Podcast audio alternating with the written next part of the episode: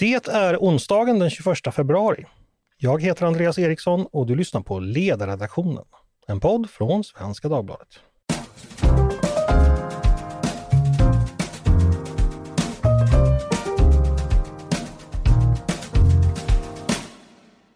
Välkomna till Ledarredaktionen, podden från Svenska Dagbladet där vi belyser och analyserar de mest aktuella ämnena som formar samhällsdebatten. Idag riktar vi ljuset mot den digitala horisonten och det snabbt föränderliga landskapet av artificiell intelligens. Den svenska regeringen har nyligen tillsatt en AI-kommission för att navigera oss genom dessa teknologiska utmaningar och möjligheter. I dagens avsnitt kommer vi att dyka djupare i detta ämne, utforska kommissionens mål och syfte samt analysera vilken roll AI spelar i framtidens samhälle. Välkomna till ledarredaktionen, där vi går bortom rubrikerna och granskar de frågor som verkligen betyder något. Ja, det där var väl inte riktigt jag va? Eh, som ni kanske anar så var det en AI som hade lagt orden i min mun. Hade jag själv fått bestämma, då hade det låtit så här. Varmt välkomna till oss igen. I december tillsatte regeringen en AI-kommission för att stärka svensk konkurrenskraft. Kommissionen ska göra en genomlysning av Sveriges förutsättningar från utbildning och lagstiftning till hur vi attraherar internationellt riskkapital så att Sverige kan vara med i matchen, sa statsministern då i samband med att kommissionen presenterades. Kommissionen leds av Carl-Henrik Svanberg och arbetet ska redovisas nästa år. Det här har ni kanske hört talas om. Det ni helt säkert har hört talas om, det är diskussionerna kring AI, hur det kommer påverka inte bara vår konkurrenskraft, utan hela vårt samhälle. Men hur står sig egentligen Sverige som AI-nation? Hur väl förberett är vårt näringsliv våra myndigheter för det som väntar? Vad betyder förresten AI för konkurrenskraften? Exakt hur är det tänkt att den ska hjälpa Sveriges konkurrenskraft? Inom vilka funktioner och sektorer? Och hur exakt tjänar man i slutändan bäst pengar på den här tekniken? Det ska vi prata om idag. Jaha, så långt var det mina ord. Eller var det det? Var det kanske så att den första försöket till introduktion kom från mig och den andra kom från en AI? Eller kanske rent av båda framtiden av en AI? Men ni funderar vidare på det så jag är glad att hälsa på mina två gäster. Eh, Mattias Sundin, tidigare riksdagsledamot för Liberalerna, numera chefredaktör för Warp News och en av kommissionens ledamöter. Varmt välkommen hit Mattias! Tack så mycket! Och med mig på telefon Fredrik Heinz som är professor vid institutionen för datavetenskap vid Linköpings universitet. Också du ledamot i kommissionen. Varmt välkommen hit Fredrik! Tackar, tackar! Mattias, vi börjar med dig. Varför tillsätter regeringen den här kommissionen? Ja, man vill ju, eh, uppdraget är ju att stärka svensk eh, konkurrenskraft eh, och direktiven är ju att vi har ju fått väldigt brett, brett uppdrag. kan titta på det mesta, föreslå saker inom de, de flesta områdena, både kopplat till privat näringsliv och till offentlig sektor och utbildning och och sådär. Um, för e- AI träffar ju superbrett, um, inte minst den här vågen av generativ AI som vi har haft nu senaste ett och ett halvt, två, uh, två åren. Så, att, um, så nej men, uh, statsministern sammanfattar det väl bra, vi ska vara, vara med i den här uh, matchen. Mm. Fredrik, var det självklart för dig att tacka ja att sitta med i den här kommissionen? Ja, det var det. Det är ju ett väldigt viktigt uppdrag och liksom jag tror precis det här att om vi ska vara med i matchen så är det nu det gäller. För att det händer så otroligt mycket i omvärlden och jag tror att en hel del saker kommer utkristalliseras, ja, säger de närmsta ett till två åren. Så att det, det är nu vi måste vara med. Mm. Fredrik, har ni börjat arbeta än? Ja, vi har hunnit med två stycken möten hittills, men det, det är ju ja, det handlar ju också om att lära känna varandra och så vidare. Så vi har kommit igång, men jag tror vi kommer accelerera. Mm. Mattias, varför är du med, tror du? Nej, men jag ser det här som en uh, jättemöjlighet att, att bidra till uh, Sveriges, Sveriges framtid. Uh, om man som jag då var tonåring på 90-talet och kanske lite för ung, i alla fall lite för dum för att förstå vilken revolution vi hade då i form av IT och internet, så här, är det här en andra chans att göra det. det som vi gjorde då blev en ledande IT-nation. det kan vi göra igen med, med AI. och jag tror att det är just det som är genombrottet här är ju att vi kan styra maskinerna nu med vårt naturliga språk. Man behöver inte lära sig programmera eller någonting annat eller konstiga kommandon eller så. Ett vanligt enkelt språk som man använder i mejl till en kollega kan man styra maskinerna med. Det gör att tröskeln sänks eh, dramatiskt. Och det gör också att det frigör massa kreativitet. En dyslektiker kan nu börja skriva vacker prosa, en eh, färgblind kan måla som Michelangelo och en tondöv kan skapa musik. Eh, så massa sånt här som finns fast i vårt huvud kommer komma ut. Ur det här så kommer det skapas enormt mycket nytt. Eh, och det kommer att skapas någonstans i världen och då vill jag att så mycket som möjligt av det ska skapas här i Sverige. Mm. Och en kille som jag kan leda poddar.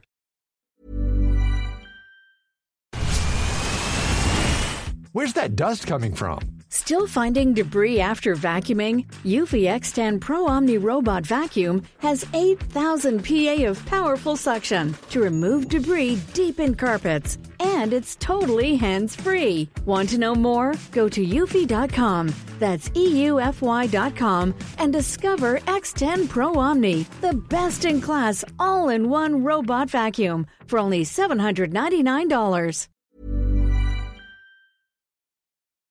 Fredrik, jag tänkte vi skulle börja prata lite, slå fast någon sorts nuläge eh, och så om Sverige och när det gäller AI. Vad är det man tittar på? Hur ett, om man ska ställa frågan så här, hur, stor, st, st, hur, hur står ett land i när det gäller AI-utvecklingen? Vad tittar man på då? Vad är det för, så att säga, för mått man är ute och jagar då? Har du, kan du gå och sammanfatta? Nej, men det finns ju ett par saker man kan titta på. Till exempel är ju det med kompetens. Man kan kolla på forskning, man kan kolla på datatillgång, man kan kolla på det med investeringskapital och man kan kolla mer på här, offentlig sektor. Och, och slutligen finns det också här mer kolla på liksom, hur ser lagar och regler ut? Är man förberedda för eh, det som kommer? Okej. Okay. Jag vet inte hur långt ni har hunnit, men eh, vet vi ungefär hur, var Sverige befinner sig någonstans, Mattias? Har vi hunnit reda ut det? Det tror jag, eller så här, just den frågan kan nog eh, eh, Fredrik svara bättre på. Den, eller den, den är i två delar. Den ena är liksom vad vi ligger till i modeller, eh, hur vi har det på utbildningsfronten och så. Den kan Fredrik svara bättre på. Den andra delen eh, som jag kan svara på, eh, det är ju i, kopplande till användandet av AI, alltså av generativ AI, då, den nya nu här. Eh, där finns det ju ingen som ligger först. Eh, någon kanske ligger aningen före någon annan, men men ah, det är så nytt för alla, ehm, så att där ligger ingen först. Och därmed finns det ju en enorm möjlighet. Ehm, för är man de som, som ligger först eller börjar använda det här bredast och bäst eh, så tror jag man kommer få en enorm fördel. Och där har Sverige, vi ligger inte vare sig efter eller, eller före, före där. Okej, okay. men om vi bara bollar tillbaka till det här som Fredrik pratade om, eh, datorkapacitet och forskning och utveckling och tillgång till kapital och sånt där. Finns det någonting att säga om det, var Sverige befinner sig? Det, det, det finns ju faktiskt ett index som heter The Global AI Index och enligt det så ligger vi på 17 plats Eh, Eh, och att det vi egentligen ligger bäst på inom det man kallar för operating environment, eh, där vi liksom ligger bra till. Och det vi ligger minst bra till är liksom government strategy. Och sen så ligger vi ja, runt någonstans i mitten, inte i mitten, men säg runt 15 plats så att säga, eh, för det här med, med de andra frågorna. Så att vi, vi ligger ju liksom ganska bra. Vi har bra förutsättningar, men vi måste göra mer. Eh, och att man nu tar en sån sak som forskning Eh, så har vi, där har ju eh, framförallt via då det här BASP-programmet, Wallenberg AI Autonomous Systems and Software Program, som då är Sveriges största enskilda forskningsprogram, där vi har en budget på drygt 6 miljarder över 15 år. Där, det har ju verkligen lyft och håller ju på att lyfta Sverige när det gäller forskningen. Eh, och liksom utbildningssidan ligger vi ju egentligen ganska bra till. Problemet där är volym, inte kvalitet. Så att där behöver vi öka volymen. Eh, vi behöver också kunna sprida det här till andra utbildningar. Idag så är det huvudsakligen de tekniska utbildningarna där man får lära sig om AI och då mer från ett tekniskt perspektiv. Jag tror att den stora utmaningen blir att hur ska vi sprida det här till alla andra professioner som jurister, och läkare, och ekonomer och eh, journalister och så vidare. och så vidare. Alla de här andra professionerna där det inte finns någon tradition att utbilda i de här sakerna. Eh, och det är en utmaning. Så det, det, är liksom, vi, vi, står oss ganska bra, men det finns ett antal områden där vi måste göra mer. Bara en fråga om det här med volym. Du kanske inte har de exakta siffrorna, men ungefär hur mycket examina spottar vi ut oss i Sverige när det gäller både grundutbildning och, forskare? Finns det några sådana? Har, har vi koll på det ungefär? Vi kan ju ta forskare, för det har vi ändå lite enkelt. Om vi tar det här BASP-programmet så har vi då som mål att utbilda minst 600 doktorer inom de här områdena. Eh, och i dagsläget eh, så har vi ungefär 100 stycken, lite drygt, som har disputerat. Så vi har ungefär 500 nya doktorer på väg ut de närmsta tio åren, det vill säga ungefär en i veckan. Så att där, där har vi lite känsla för delar av volymen. När det gäller grundutbildning eh, så tror jag det är storleksordningen, vad är det, 6-7 tusen nya ingenjörer, civilingenjörer som antas varje år. Eh, och så att det är liksom no några tusen ingenjörer per år som examineras, men då är det då i alla eh, områden, inte bara alltså det här mer åt AI-hållet. Just det. Vi kan ju passa på att komma ihåg att en årskull i Sverige är ju mellan 100 och 120 000 också, så att eh, 6 000 då blir ungefär eh, 5 procent som då går åt det hållet. Ja Mattias, det här lät väl ändå ganska bra när det gäller forskning och utbildning. Har du någonting att komplettera där, hur, hur nuläget ser ut där? Nej, det, det som jag såg var eh, nyligen här en internationell rapport från, från PWC eh, just kopplat till, till användandet. Eh, och då hade man frågat företag och vd eh, vad, hur mycket de, eh, om de, om de senaste 12 månaderna hade gjort någonting för att implementera någonting kring generativ AI i sina företag. Och då var det i Sverige då 18 procent eh, av företag som hade gjort det. Eh, snittet i, i världen var, var 32 procent. Eh, så eh, relaterat där då, och Nordamerika 37 procent tror jag var. Relaterat där så ligger vi eh, lite, lite efter. Eh, sen har vi hela skolområdet, skoldebatten nu är ju eh, då är det ju från skärm till perm um, som, som gäller. Det ska vara pappersböcker och det är svårt att få in AI i dem. Okej, okay, så det ser du lite som en, en negativ utveckling alltså? Att böckerna gör böckernas återkomst? Det är inget fel, med, inget fel att läsa i pappersböcker, uh, men, men jag tycker att när man Eh, kontrasterade kontrasterar det mot, mot skärmen, ehm, att det är, då man, det är då man hamnar snett. Ehm, så, så jag ser ju, om man tittar på den första IT-kommissionen som satt för 30 år sedan, eh, 94, så pratade de jättemycket om vilka möjligheter IT och internet hade för, för skolbarn, eh, för skolungdomar. Ehm, och, så. Och det tycker jag, de måste ju få vara med på den här resan också. Mm. Eh, Fredrik, eh, vill du komplettera någonting där avseende skolutbildningen och AI, hur, hur, hur nuläget ser ut där? Vilka möjligheter som finns? Nej, men jag håller med Mattias. Jag, alltså, det som jag tycker är intressant här är att om du tar grundskolan, liksom, de som går i grundskolan idag, de kommer ju typ börja jobba om ja, tio år eller lite, kanske till och med ännu mer. Det vill säga att vi måste ju utbilda för så som världen kommer att se ut 2035, inte så som världen ser ut idag. Eh, och det tycker jag inte riktigt man tar höjd för, utan jag upplever att man snarare, det är väldigt mycket, ja, man tittar inte så mycket på framtiden som man borde göra. Och om man tar just det här med sig ChatGPT och liksom att eh, och egentligen inte bara det verktyget utan generellt sett det vi ser att AI-verktyg är bra på är ju att svara på frågor. Eh, men det man däremot behöver göra är att ställa rätt frågor och att sedan kritiskt granska eh, det svar eller de svar man får så att de faktiskt är rimliga och vettiga. Eh, och om man nu kollar på just en, en utbildningssituation så är det oftast liksom, det är läraren som ställer frågorna, det är eleverna som svarar på frågorna och sen så är det läraren som bedömer om det var rätt eller fel eller bra eller dåligt. Och att här tror jag vi måste liksom kanske vända på det lite och se att hur blir vi bättre på att ställa rätt frågor? Hur blir vi bättre på att ta liksom komplicerade, otydliga, icke väldefinierade problem och göra dem till någonting vi faktiskt kan angripa och sedan just bedöma och utvärdera de här svaren eller lösningarna vi får på.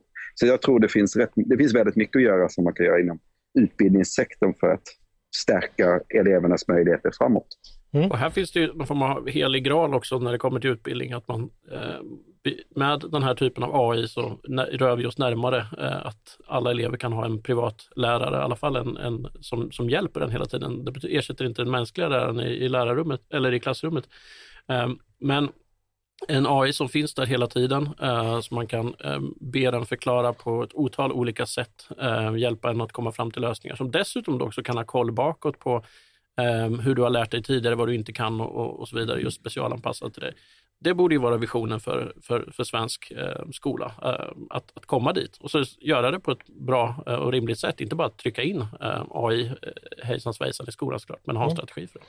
Okej, okay, då har vi klarat av forskning och utbildning lite.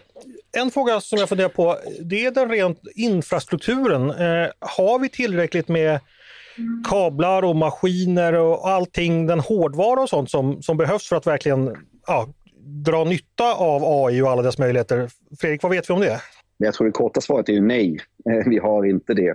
Sen så har vi ändå hyfsade förutsättningar, men självklart kommer det behövas betydligt mer.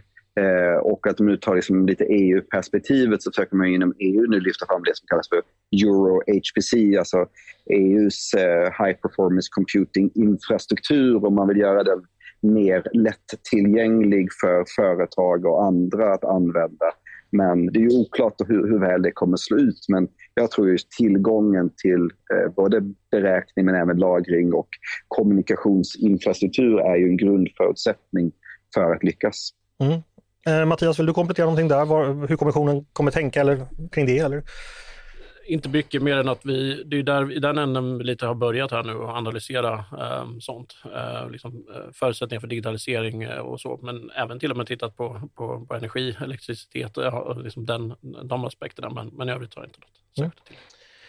Hörrni, jag har en lite mer allmän fråga. Eh, för en lekman framstod ju ChatGTP som en jättestor grej när det kom för två år sedan. Eh, medialt var det ju så. Det var det, det första AI-verktyget jag själv har använt tror jag. Begränsad framgång än så länge. Men hur stort är ChatGTP eh, skulle ni säga? Är det den game changer som vi i media ibland har framställt sig som? Vad säger du Mattias? Ja, eh, det skulle jag säga att det är. Eh, all förändring tar ju tid, så att det, sånt där sker inte över en natt. Men det som är genombrottet är ju att vi kan styra det med vårt naturliga språk. Om vi tänker tillbaka lite några årtionden i tiden när man hade MS-DOS, man satt och skrev in kommandon. Det är en ganska hög tröskel att komma igång med en dator då. Eh, sen fick vi, fick vi Windows och Apples um, grafiska användargränssnitt. Man kunde klicka på ikoner och, och rulllistor och sådana saker. Eh, sänkte tröskeln och gjorde det eh, mycket mer eh, tillgängligt. Men nu då ehm, så styr man dem via ett, ett chattfönster som är tillgängligt för alla människor eh, i världen, som gratis tillgängligt för alla människor i världen som har en internetuppkoppling. Och den kan ju göra en mängd olika eh, uppgifter. Det är ju text, eh, massa olika typer av textbehandling, eh, plocka ut information ur, ur långa, långa rapporter eller skriva om texter och, och så vidare. Ehm, eh, men du har ju också bild eh, förstås, du har video, du har musik. Eh, så det är många aspekter av det här. Och när alla de här krockar med varandra eh, och konvergerar med varandra, de olika, så kommer det uppstå massa eh, nya, nya spännande eh, saker. Eh, men just att tröskeln är så låg att du behöver inte ens kunna något bra eh, svenska eller liksom engelska eller vad du nu eh, använder för språk och ändå kan du styra maskinerna. Sen kan du naturligtvis bli bättre på det och, och liksom lära dig hur du, hur du får ut eh, maximalt ur de här, ur de här maskinerna. Eh, men det i sig är ett, tror jag, ett enormt genombrott som gör att det är en ny plattform som vi kommer bygga massa, massa, massa saker eh, ovanpå. Mm. Jag ska bara kasta in en sak här. Jag gick tillbaks till läggen och kollade första gången artificiell intelligens användes i svenska medier, i alla fall så långt de är digitaliserade i databasen. Då hittade jag från april 1981 så skriver Dagens Industri så här. Artificiell intelligens syftar inte till att överträffa människans intellekt. Istället vill de ge människovänliga datasystem lättanvända för vanligt folk. Så att, ja, till slut är vi där. ja, till slut är vi där. Eh, Fredrik, ChatGTP, hur stor game changer har det varit skulle du säga? Ja, men jag tror det, det, det som vi ser är ju att när man kommer över vissa trösklar så, eh, så, att även om det kanske tekniskt sett är en ganska någorlunda linjär utveckling, liksom det fanns ändå GPT, uh, eh, ChatGPT 3,5 2020, förlåt 3,0 2020. Uh, och att det, men det vi ser är liksom att när kvaliteten blir eh, bättre så blir, upplevs det som en stegvis förändring. Eh, och att just att det är faktiskt användbart på ett helt annat sätt än vad det var tidigare är ju en jättestor skillnad. Och också just det att det gör ju att allt fler ser nyttan med det. Allt fler tycker ja, men som säger, men här finns det faktiskt någonting att bygga vidare på. Så att ja, jag tror också det är en väldigt stor förändring och förbättring. Mm. Vi pratar ju AI och svensk konkurrenskraft och då handlar det förstås om då ytterst hur näringslivet klarar sig här. Eh, vad vet vi om det svenska näringslivets eh, beredskap här så att säga och hur långt man har kommit på att ta till, till sig de möjligheter som finns. Eh, har kommissionen hunnit, hunnit någonstans där? Eh, Mattias, vill du börja svara? Eh, nej, det har vi väl inte eh, kommit någon vart eh, direkt med den eh, frågan tror jag. Nej. Om inte Fredrik har något att lägga till. Fredrik, har du någon uppfattning om det, hur svenskt näringsliv befinner sig? Jag har väl många uppfattningar, höll jag. Men, men, men jag tror liksom det som är intressant är att återigen, liksom, jag tror det är, det är som ingen jämn bild utan just att det finns ju liksom enskilda, eller det finns ju liksom exempel där man har kommit långt. Men jag tror ändå liksom på någon slags övergripande nivå, eller så här, genomsnittlig nivå, så finns det väldigt mycket kvar att göra. Eh, och att jag upplever ju att, jag, jag tror precis, ibland säger det här, det finns en utmaning att det går lite för bra för Sverige. Vilket gör att man inte riktigt mogen, man har fullt upp med att ta hand om liksom, de nuvarande leveranserna och liksom, de kunder man redan har att man inte riktigt orkar ställa om samtidigt. Och att det vi vet är ju liksom att nästa generations teknik, även om det upplevs som att den kommer plötsligt, så är det ju liksom en gradvis eh, utveckling under tiden. Och att eh, därmed så måste man ju så förbereda sig eh, på nästa generations teknologi medan man även levererar med nu, dagens teknologi. Och att det väl det jag gärna skulle säga, att man faktiskt satsade mer framåt och inte bara ja, leverera på det man har lovat idag. Och där tror jag det finns mycket att göra. Mm. Men jag upplever också att det finns en, en ökande förståelse för detta. Och om man nu tar just det här VASS-programmet var ju ändå liksom syftet bakom det är just liksom att göra den grundforskning idag som säkerställer att svensk industri är konkurrenskraftig i framtiden. Så det finns ju liksom initiativ, men det finns mer att göra. Mm. Eh, en specifik sak som nämns det är det här med riskkapitalförsörjning, att eh, ja, nya verksamheter och nya företag behöver riskkapital. Eh, finns det någonting att säga om det än så länge, Mattias? Det finns det ju, det är väl olika delar där. Du har ju dels själva AI-teknologin, eh, det är ju ett spår liksom, eh, vad gäller riskkapital. Men sen har vi den mycket, mycket bredare eh, kategorin, det som kommer ut av användningen av, av AI som inte behöver ha någonting med AI knappt att göra, det, det görs via det så att säga. Men det är inte där man investerar i, utan man investerar i någon tjänst eller någonting som kommer ut ifrån det. Eh, och där har ju Sverige tagit eh, kliv i, i rätt riktning eh, de senaste eh, tio åren eller, eller sådär. Eh, mycket kring, eh, framförallt kring Stockholm men även andra delar av, av Sverige kopplat till, till tech och till startups. Eh, och där kan man ju spåra en lång, lång linje bakåt. Eh, vi hade IT-revolutionen på 90-talet vi hade de här IT-entreprenörerna, evangelisterna, eh, Birgersson och Stellan Holstein och de här, eh, som, vis, som visade upp en vision, som fick en del att, att tänka om. Eh, Jakob De Geer som skapade iSettle, eh, som han sålde för 20 miljarder här, han var en av de som inspirerades. Han tänkte bli finanskille, men han blev eh, internetkille eh, istället. Vi hade Skype, vi fick Spotify, Klarna och hela det här bandet. Och kring de här eh, har det skapats rika eh, individer, men det har också dragit till sig eh, venture capital och andra typer av, av riskkapital. Så att jag tror att om vi, eh, om vi börjar, eh, om vi får igång användandet och börjar pumpa ut många typer av eh, startups som bygger på generativ AI så kommer vi klara av att, att finansiera dem. Mm. Nu nämnde du igen eh, den här IT-boomen i slutet på 90-talet. Jag vet att du har skrivit om den också. Eh, ni vet ju när, när Newsweek åkte till Stockholm och, och, sa att här var världens IT-huvudstad. Man sa att framtiden avgörs på planet mellan San Francisco och Arlanda. Så att säga. Vad finns det att lära av den perioden? Var, var, varför tänker du att det är relevant att plocka fram här? Jo, jag tänker att eh, på vissa sätt är det, eller det finns många, många likheter, det är samma logik. Alltså Sverige i början på 90-talet var ju total eh, kris, eh, kraftig arbetslöshet, 500 eh, ränta och så vidare. Eh, samtidigt så lyckades man då eh, börja plocka upp det här med IT och internet som någonting nytt spännande. Man hade en överlag positiv diskussion om det i samhället och inte minst inom, inom politiken. Eh, vi kom ju då till läget där i, runt, runt millennieskiftet att vi var, vi var datortätast i världen, mycket tack vare hem-PC-reformen. Vi var bredbandtät, bredbandstätast i världen, mycket tack vare Birgersson och de andra som snabbt bryggde ut eh, bredband. Eh, och eh, staten då litade på att svenskarna skulle göra någonting bra med de här datorerna. Man kunde ju bara sitta hemma och spela hela nätterna om man ville det. Eh, men, eh, och det var säkert många som gjorde det. Men det, kom det gjorde också... Notch. Ja, exakt. Det gjorde Notch. Eh, och han, start, och han skapade sedan Minecraft. Precis, Jakob De den andra och många, många av de här Skype-grundarna och, och så vidare. Och det man fick igång då var ju användandet av internet och IT. Man visste inte riktigt vad ska vi göra med det här, vi, utan vi tror att det kommer någonting bra av användandet.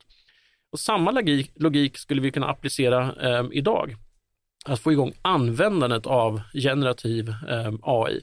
Så en idé där skulle det kunna vara någon motsvarande hem-PC-reform. Ett, ett, säg så här, vi köper ett ChatGPT eh, plus-konto till varenda svensk i form av ett AI-avdrag eller AI-check eller, eller någonting sånt. För att pusha igång användandet. Och så litar vi på att ur det här kommer det komma massa bra grejer. Säkert en och annan dålig också, men, men framförallt massa, massa bra grejer. Eh, så jag tror att vi har ett så närliggande exempel med samma logik, så vi ska verkligen lära av det. Mm.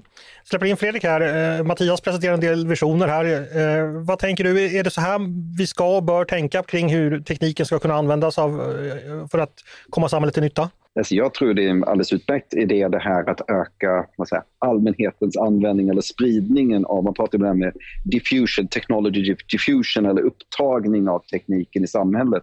Och jag tror kan vi liksom signifikant öka den så skulle det helt klart gynna oss. Så att jag är positiv till det. Men jag vill säga någonting kopplat till det här med investeringsklimat och så vidare. För att man kan ju kolla med de här statistikerna, liksom att kollar man på EU-nivå så är det som en av de stora skillnaderna mellan Europa, USA och Kina är just de privata investeringarna. Där liksom, framförallt eh, i USA så investeras det ju mycket, mycket mer i eh, AI-teknologi. Eh, och vi kan också se det här med att om du ska sälja ditt företag så får du oftast betydligt bättre betalt för ditt företag om du säljer det till någon i Asien eller någon i USA jämfört till europeiska investerare. Så jag upplever liksom att det finns en hel del frustrerade entreprenörer som jättegärna skulle se att man kunde bygga företaget vidare i Europa, men när man då inte får samma eh, ersättning helt enkelt och därmed väljer att gå vidare på andra ställen. Så det finns ju en utmaning på investeringssidan också, men ja. Det låter ganska oroande det du säger där, för det är ju eh, såklart en global eh, konkurrens det handlar om, där framförallt USA och Kina är de stora motspelarna. Mattias, vad tänker du om det? Jo, nej, det, det tror jag eh, Fredrik har rätt i, även om som sagt jag vi har ändå fått någon form av kritisk massa här i Stockholm, framför allt i Sverige, där det finns, eh, finns kapital. Eh, dock inte den här, eh, en, det är inte många, många miljarder dollar som pumpas in i de här. Men vi har å andra sidan sett att inom andra områden kopplat till energi och så, så är, finns det entreprenörer som lyckas ta in även sådana såna summor. Det som oroar mig, som ju starkt kopplat till investeringsklimatet, är ju den tsunami av regleringar som är på gång från, från EU inte bara direkt EU och, eh, eller vad säger AI Act, utan det började med GDPR och så finns det ju massa andra, ett tiotal olika sådana stora paket som är på gång. Vilket gör ju att kostnaden eh, att göra någonting i Europa eh, blir ganska hög. Eh, när, jag, när, jag, när jag själv satt och fick en eh, föredragning av det här häromveckan tänkte jag, herregud, ska man driva AI-bolag här i, i, i Sverige? Liksom? Det, det, kan bli väldigt, väldigt jobbigt. Eh, så den, eh, de, att och man var jätteglad. Ja, vi är först med att reglera AI. Okej, okay. eh, kommer det komma någonting positivt ur det? Och det är absolut hämmande tror jag för, för, eh, för investeringar. Det låter ju oroande om all AI-kapacitet ska gå åt till att begripa regleringen av AI. Eh, Fredrik, har du någon uppfattning om det här, det regulatoriska och hur det påverkas och utvecklas? Ja, men vi ser ju att det som EU har tagit väldigt tydligt tag där med just den här AI Act, men även de här andra Digital Service Act och, och så vidare. Och att den stora frågan nu blir ju, eh, liksom, om man tar EUs retorik, är ju självklart att nej, men det här ska ju inte vara innovationshämmande utan snarare det här ska ju göra spelreglerna tydligare så att man vågar investera, man vågar satsa. Men jag, jag har väl viss farhåga också kring det här att eftersom det är fortfarande väldigt oklart, vad måste jag göra för att faktiskt efterleva regleringen? Om man nu verkligen vill göra AI-system enligt så att säga, all reglering så är det fortfarande oklart hur man gör. Och det är också oklart hur den här regleringen kommer att tolkas i, i domstolar och så vidare. Så det, jag, jag, upplever att det finns ju helt klart en orosfaktor där. Och jag brukar alltid säga att det, om vi vill ha... Eller det bästa sättet att få de systemen vi vill ha är att bygga dem själva. Så genom att satsa på innovation och utveckling så kan vi faktiskt utveckla och bygga de systemen på de sätten med de värderingar och så vidare som vi själva vill ha. Men då måste vi faktiskt investera i innovation, mm. inte bara i reglering. Det är lätt att hålla med om. Eh, hörni, vi ska snart eh, sammanfatta det här. Jag tänkte bara fråga om ytterligare en punkt som ingår i ert uppdrag som inte jag helt förstod. Eh, det är att ni ska analysera hur användning av AI kan påverka och främja Sveriges säkerhet och motverka otillbörlig påverkan på demokratin. Eh, Mattias, vad menas egentligen med det? Nej, men det är ju eh, eh lite olika aspekter. Dels har du ju eh, cybersäkerhet, eh, attacker mot Sverige som ju har varit aktuellt här nu eh, senaste tiden. Men framförallt då eh, använda AI såklart för att motverka den typen av, eh, av attacker. Eh, den andra är ju desinformation eh, kopplat till, till, till AI. Eh, att det är lättare att skapa olika, ehm, eh, olika ja, deepfakes och annat. Ehm, så, både för att skämma människor, lura folk pengar, men också kan ju vara påverkan i, i valrörelser och sådana saker. Ja, det, det, är ju ett riktigt problem eh, som verkligen existerar till skillnad från en hel del andra problem som har debatterats inom AI-området om att vi ska bli genfabriker och annat. Eh, så det är ett verkligt problem som man ska eh, ha eh, framför ögonen. Jag tror dock att eh, betydelsen av det, eh, som vi ofta gör. Vi har överdramatiserat vilken enorm effekt vi tror att det här kommer att få. Du som sysslar med liksom, kommunikation eller opinionsbildning eller, och, och, så, vet ju hur svårt det är att nå ut med ett, med ett budskap, få någon att lyssna till att börja med, få någon att tro på det och så vidare. Och, och, AI, AI gör det ju lättare att producera den här typen av, av innehåll med bättre kvalitet. Eh, men att få det framför ögonen på folk gör AI inte särskilt mycket lättare. Så att det är ett riktigt problem, men, men eh, debatten som den låter känns eh, ganska överdriven. AI skriver ju rätt ruttna poddmanus också, ska vi komma Än så länge. Eh, så vi ska sy ihop det här. Eh, börja med dig Fredrik. Eh, ni har ju fått ert uppdrag, ni har börjat arbeta, ni har träffats första gången. Eh, tycker du uppdraget känns... Eh, är det självklart och begripligt för er som sitter i kommissionen vad det är ni förväntas göra? Ja, men det tycker men framförallt så handlar det om att ta fram en positiv vision av hur Sverige kan använda AI i framtiden och att sen eh, förstå och ge förslag på hur ska vi möjliggöra det här för att säkerställa att vi kan helt enkelt konkurrera eh, och vara konkurrenskraftiga på ett eh, etiskt och eh, försvarbart sätt. Samma fråga till dig Mattias. Känns det som du vet vad, du, vad som förväntas av er i kommissionen?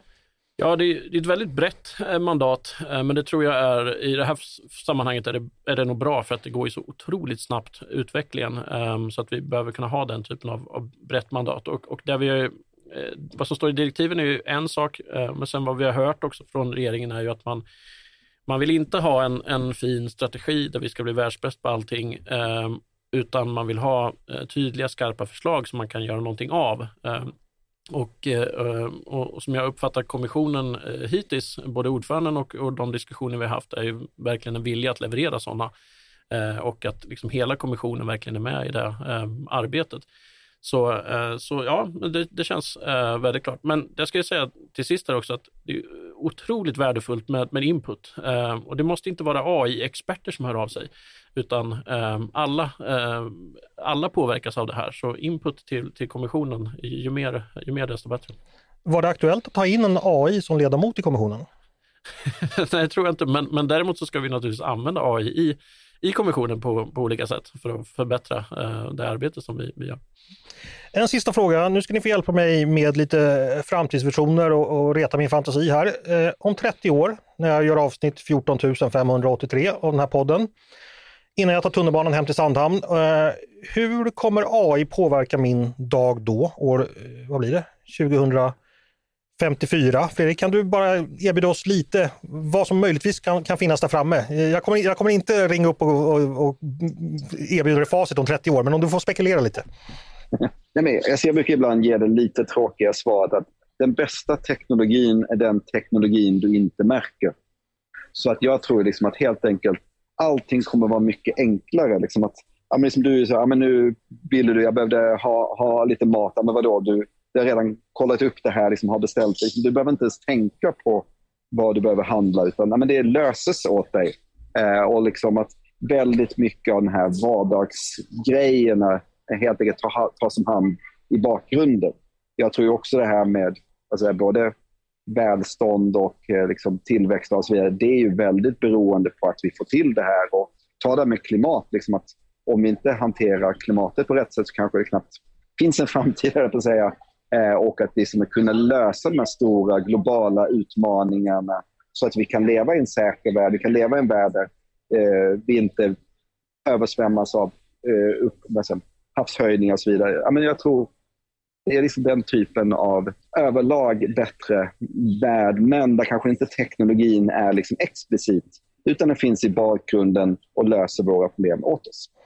Okej Mattias, det är en eh, februaridag år 2054. Det är ganska kallt i luften, det är bara 25 grader just idag. Eh, hur ser vårt liv ut då med AI? Om du bara får bjuda oss på någon interiör eller exteriör. Ja, så långt fram är det ju extremt svårt, men om man försöker dra ut eh, några tangenter från där vi är nu. Om man tittar då på någonting som vi inte har pratat om eh, vad gäller eh, Eh, AI som förstår hur, hur, man kör bilar till exempel då. Eh, eller eh, hur, eh, och samma typ av, alltså som förstår vår omvärld, kan se och förstå vår omvärld. Det kan du då sätta in i, i, i, robotar på olika sätt som inte måste vara i en miljö som är exakt anpassad efter en robot utan kan vara vår stökiga miljö. Som då kan göra en mängd arbe fysiska arbetsuppgifter. Men så kopplar du på den här intelligensen i form av att den förstår språk eh, och då eh, kan den ju förstå det på en otroligt eh, bra nivå, vilket gör att eh, Eh, den typen av eh, assistans med vad vi än gör ehm, eh, kommer ju ökande grad vara, vara möjlig. Precis som att jag idag får hjälp att skriva mina nyheter lite snabbare och lite bättre med, med ChatGPT och så tar det där gånger hundra kring massa olika saker i, i samhället så kommer vi kunna få hjälp med det och göra både höja kvaliteten men också göra mycket, mycket skitgöra som vi gör idag, ehm, släppa runt på kommer vi kunna få hjälp med. Mm. Ta det gånger hundra får bli slutord. Eh, därmed säger jag stort tack till Fredrik Heinz, professor vid Linköpings universitet och Mattias Sundin från Warp News.